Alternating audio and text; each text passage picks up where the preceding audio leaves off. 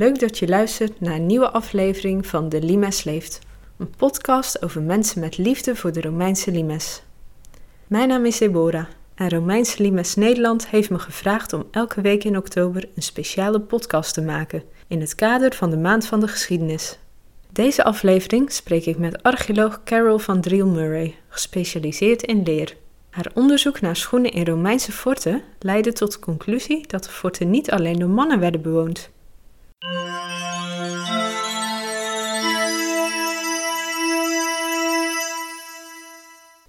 Ik ben uh, Carol van Driel Murray. Ik ben oorspronkelijk uit Engeland gekomen om in Nederland te studeren. En ik ben een beetje ja, in de Romeinen gerold. Want ik kwam hier eigenlijk voor ander soort studie. Maar toen uh, mocht ik als studentassistent bij mevrouw Groenman van Wateringen in Amsterdam het leer van Valkenburg bekijken. En dat zijn vondsten van een uh, Romeins kamp hier langs de Rijn. En voornamelijk schoenen, maar ook ander militair materiaal, Romeinse tenten, zadels, ander materiaal. En dat vond ik gewoon zo fascinerend dat uh, ik daar uh, mijn specialisme heb van gemaakt. En zo ben ik er een beetje ingerold. Dus het was niet een bewuste keuze. Het was gewoon, ik kreeg dit materiaal en was fantastisch. En dat is iets ja, heel speciaals Nederlands. Want door, ja, door de Rijn is, hebben we hier heel veel waterrijke situaties. En in die soort milieus blijft leer en ook touw en textiel vrij goed bewaard.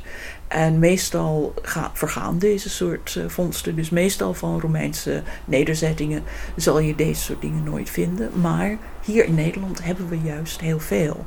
Dus we hebben grote complexen van leer van Zwammerdam, van Alphen aan de Rijn, van Valkenburg, uh, van Voorburg, de Romeinse stad. En dat is echt heel exceptioneel. En dat realiseren veel Nederlanders zich niet. Die denken gewoon dat ze, oh ja, zo is het. Maar als je vanuit het buitenland komt, dan realiseer je hoe uniek dat is.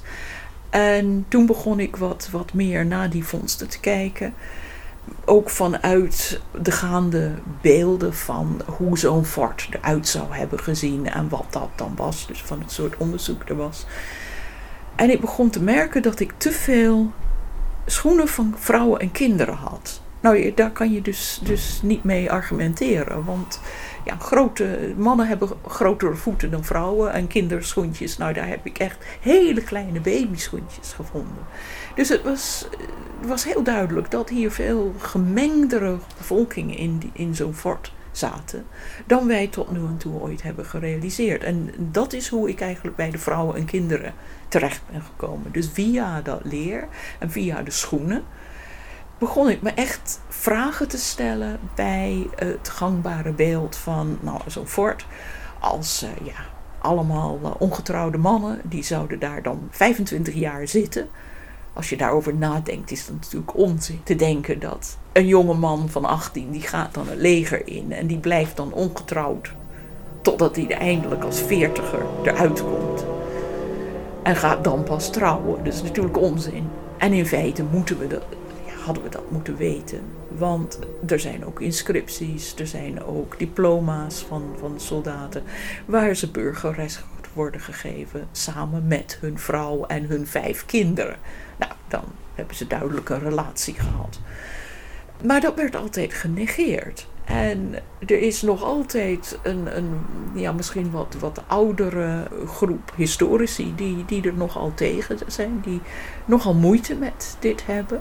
Maar gelukkig de jongere generatie, die gaat er gewoon vanuit dat dit zijn gemengde gemeenschappen waar je vrouwen en kinderen kan verwachten.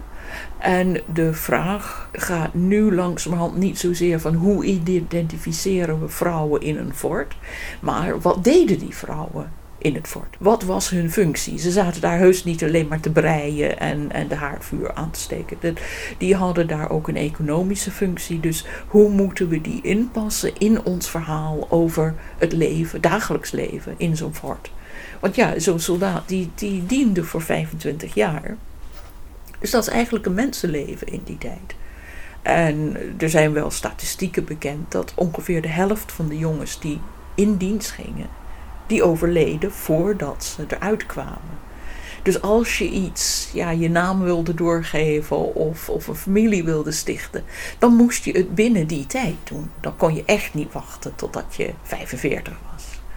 Dus het is eigenlijk voor de hand liggend, maar niemand heeft er echt goed over nagedacht. Tenminste tot de jaren negentig en toen begon dat op te komen. Maar het kwam uiteindelijk uit de schoenen, heel simpel, dat ik allemaal kinderschoentjes vond. En daar vragen over begon te stellen. Dus uh, het is heel interessant dat je eigenlijk zomaar in, in het onderwerp inrolt. En dan vanuit het materiaal komt de vraagstelling. Dus het was niet dat ik voelde, ik moet vrouwen gaan onderzoeken. Het was echt vanuit het materiaal dat ik dingen begon vast te stellen. En denk, het verhaal klopt niet. En hier moeten we wat mee doen. En als ze het leer vinden, hoe, hoe komt dat uit de grond? Hoe herken je dat dat leer is? Het, ziet er net uit als modern leer.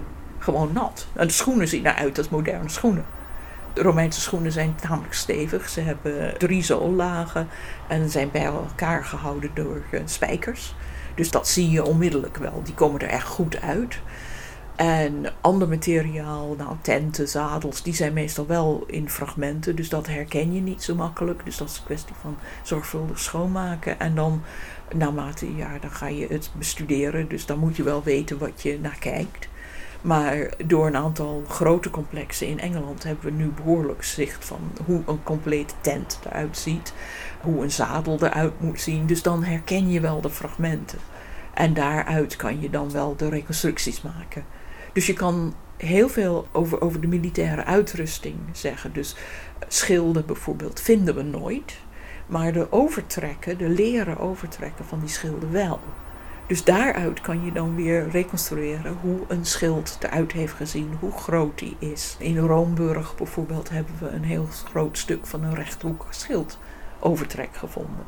Die schilden daar niks van, maar wel van de overtrek. Dus dan weten we dat ze daar rechthoekige schilden hadden. En dat zijn natuurlijk hele mooie vondsten, want anders zouden we alleen maar van afbeeldingen uit Rome moeten gaan reconstrueren. Maar nu weten we heel specifiek, dat hebben we. Dus dat, uh, dat is natuurlijk een heel mooie bron van informatie voor dingen die we niet hebben. En bijvoorbeeld die tenten, uh, waar worden die dan gevonden hier uh, langs de Limes? we hebben vrij grote fragmenten in Valkenburg. Ook uit Zwammerdam wat kleinere fragmenten. Matilo, dus Roomburg, zijn er ook een aantal stukken. Meestal vind je maar ja, kleinere stukken, want ja, zo'n leren tent, dat is een, ja, rond de 90 geitenhuiden die daarvoor gebruikt worden, dus echt veel. Maar daar kan je heel veel uit hergebruiken. Dus als zo'n tent afgedankt wordt, dan worden de bruikbare stukken nog uitgesneden. Dus we vinden zelden een complete. Maar er zijn twee complete in Noord-Engeland gevonden. En daardoor kan je in Nederland zeggen van oh, maar dit zijn karakteristieke vormen.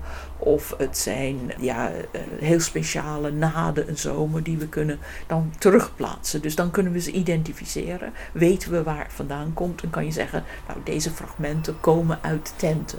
Dus daar kan je ook weer mee reconstrueren. Dus het is een soort detective werk. Uit kleine, kleine fragmenten reconstrueer je dan een complete tent voor acht soldaten. Als je daarover nadenkt, 90 geitenvellen. Ja. Hoeveel geiten daarvoor moeten zijn. Precies, en waar komen die geiten vandaan? En zo'n tent van 90 geitenvellen is voor acht man. Nou, in een legioen zitten 5000 man. Nou, als je gaat denken over deze gewoon de logistiek van waar haal je al deze tenten vandaan? Al die soldaten hebben twee geitenvellen als overtrek voor hun schild nodig. Ga dat maar eens optellen. Dan begin je te begrijpen wat voor een enorme logistieke problemen het Romeins leger had. En die ze ook konden overwinnen om die veldtochten te ondernemen. Als je een nieuw legioen wil stichten, dat is niet iets dat je zomaar in een paar maanden doet. Daar gaan jaren overheen. Daar moet je al voorraden aanleggen. Je moet de dieren al gaan fokken. Je moet daar echt goed over nadenken. Dus de campagnes zijn niet zomaar besluiten die ze eventjes nemen. Daar hebben ze jaren over nagedacht. Je krijgt enorm respect voor het Romeinse leger van hun voorbereidingen. Hoe goed voorbereid ze waren op die campagnes. Het is echt uh, fantastisch hoe ze hebben gezorgd voor een bevoorradingslinies. En dat, dat komt dan echt heel duidelijk uit het materiaal uh, naar voren.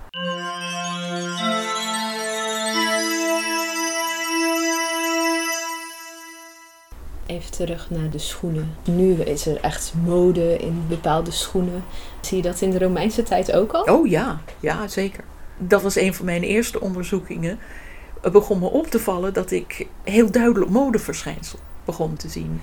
Zodat je echt kon zeggen van nou, ja, ze gingen gewoon met de mode mee. Iedere twintig jaar zag het er totaal anders uit. En je kan zelfs schoenen gebruiken om te dateren. Zo snel veranderen ze. Je hebt echt van die modecycli. In de eerste eeuw vinden mensen korte laarsjes erg mooi. Dus ook de vrouwen en de kinderen dragen allemaal enkellaarsjes. De soldaten ook. En dan in de loop van de tweede eeuw, dan gaan ze allemaal lage schoenen dragen. Ook de soldaten. Dus ineens enkellaarsjes zijn helemaal uit. Niemand draagt ze. Tot midden derde eeuw en dan komen wat hogere laarzen ineens in de mode. Het is echt waanzinnig.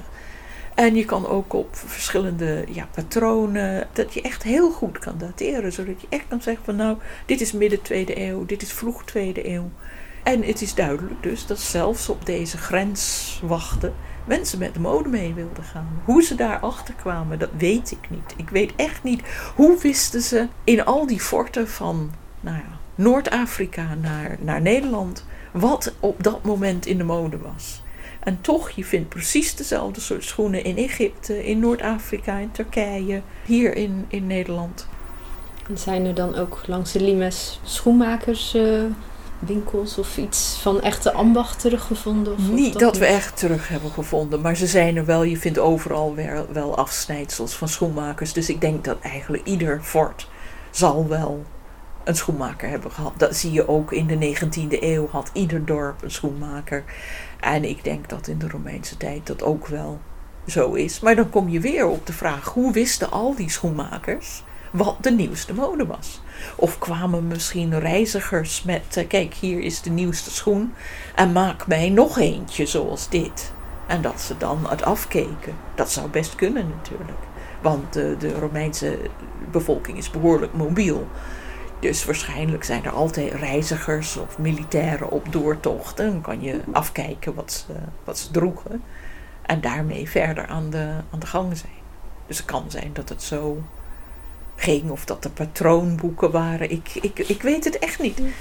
Ik, ik vind het heel moeilijk voor te stellen, maar je ziet toch overal dus diezelfde patronen opduiken en soms best ingewikkelde patronen ook. Is er bij bepaalde opgravingen misschien berekeningen gemaakt aan de hand van bijvoorbeeld de schoenvondsten? Om hoeveel uh, ja, gezinnen dat eigenlijk zou gaan? Want we weten inderdaad, zo'n kastel ongeveer 500 man. Maar dat, dat ging altijd, dacht ik, over de mannen. Dat gaat over mannen. Inderdaad. Uh, nou, in Noord-Engeland, um, in Vindolanda, dat is een grote nederzetting daar liggen de, de forten bovenop elkaar, dus dat is stratigrafisch onderzocht. En iedere keer ging de legermacht ging weg. En dan hebben ze alles achtergelaten, al hun hebben en houden en alles dat ze weg wilden gooien. En dat is gewoon afgebroken en de volgende fort is daar bovenop gebouwd. Dus we hebben een hele goede stratigrafie.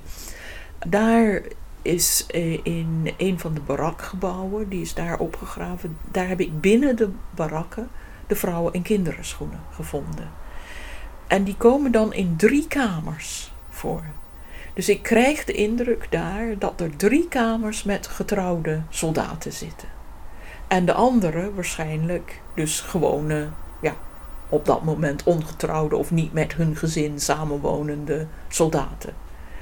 Maar dat betekent direct al dat het idee dat er acht man in ieder barak zitten, is natuurlijk volledig achterhaald.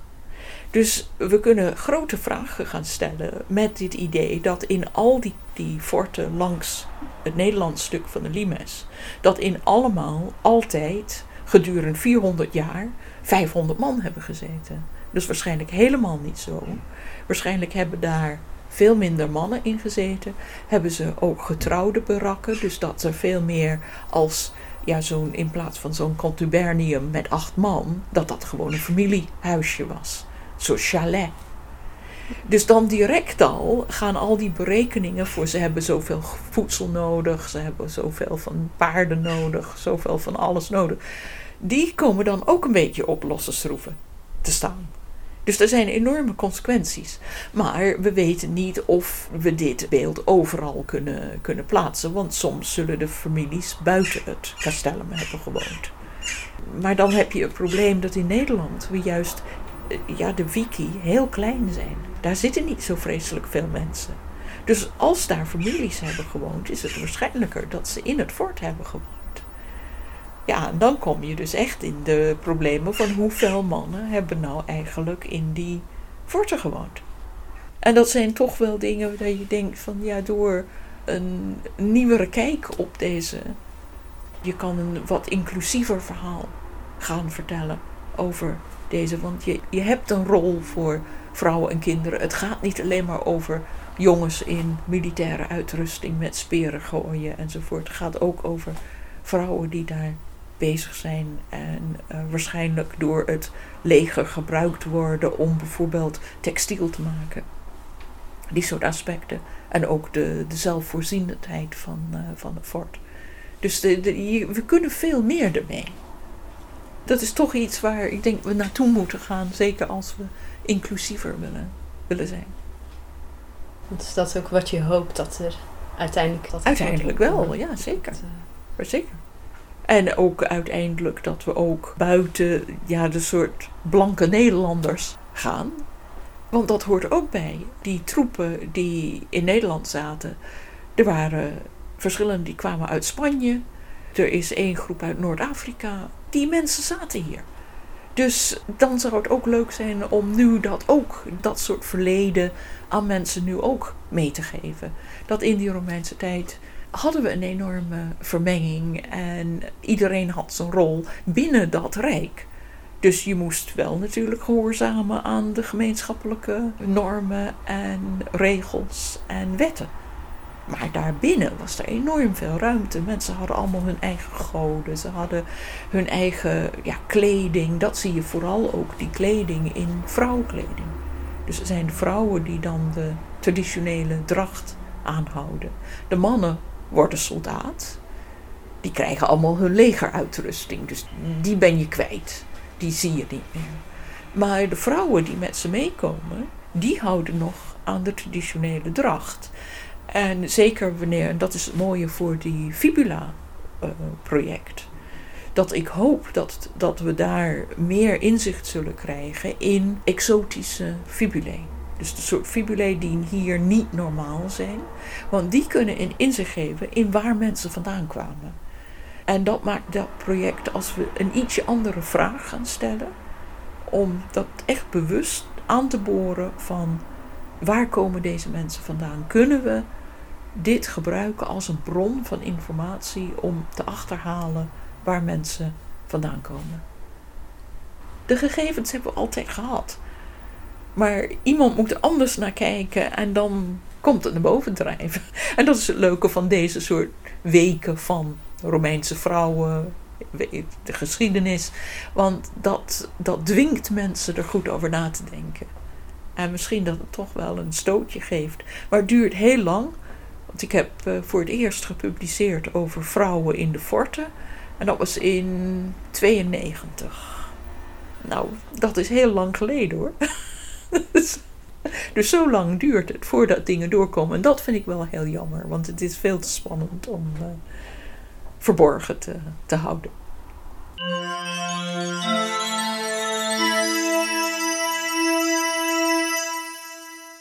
Benieuwd naar echte leervondsten? In het Rijksmuseum van Oudheden in Leiden kun je een aantal van de vondsten terugvinden.